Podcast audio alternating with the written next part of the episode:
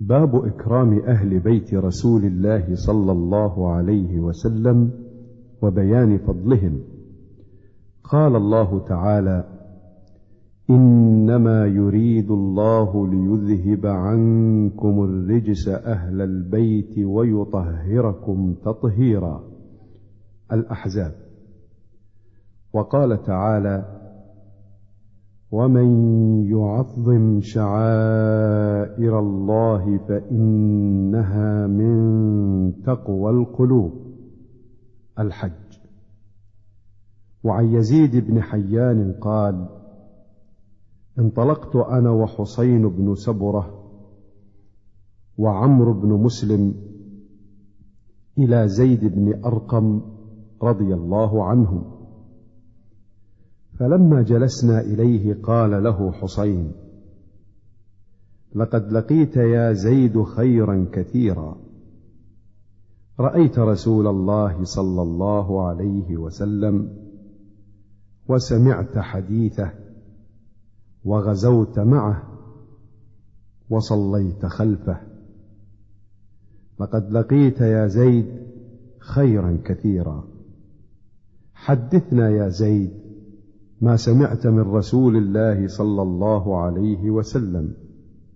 قال يا ابن أخي والله لقد كبرت سني وقدم عهدي ونسيت بعض الذي كنت أعي من رسول الله صلى الله عليه وسلم فما حدثتكم فاقبلوا وما لا فلا تكلفونيه.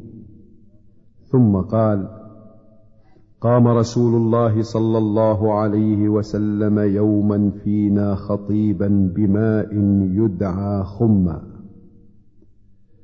بين مكة والمدينة. فحمد الله وأثنى عليه ووعظ وذكر.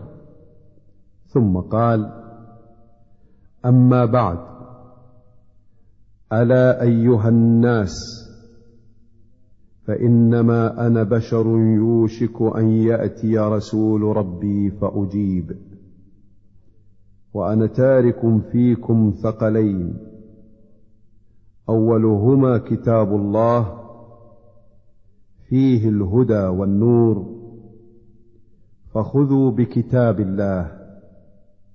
واستمسكوا به فحث على كتاب الله ورغب فيه ثم قال وأهل بيتي أذكركم الله في أهل بيتي أذكركم الله في أهل بيتي. فقال له حسين ومن أهل بيته يا زيد؟ أليس نساؤه من أهل بيته؟ قال نساؤه من أهل بيته. ولكن أهل بيته من حرم الصدقة بعده. قال ومن هم؟ قال آل علي وآل عقيل وآل جعفر وآل عباس.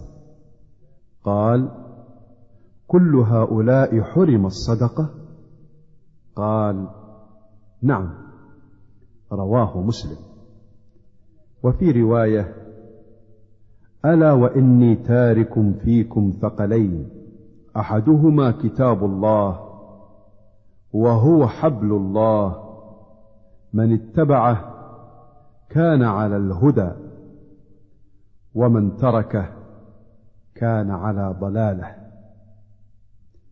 وعن ابن عمر رضي الله عنهما عن أبي بكر الصديق رضي الله عنه موقوفا عليه أنه قال ارقبوا محمدا صلى الله عليه وسلم في أهل بيته. رواه البخاري. معنى ارقبوا راعوه واحترموه وأكرموه. والله أعلم.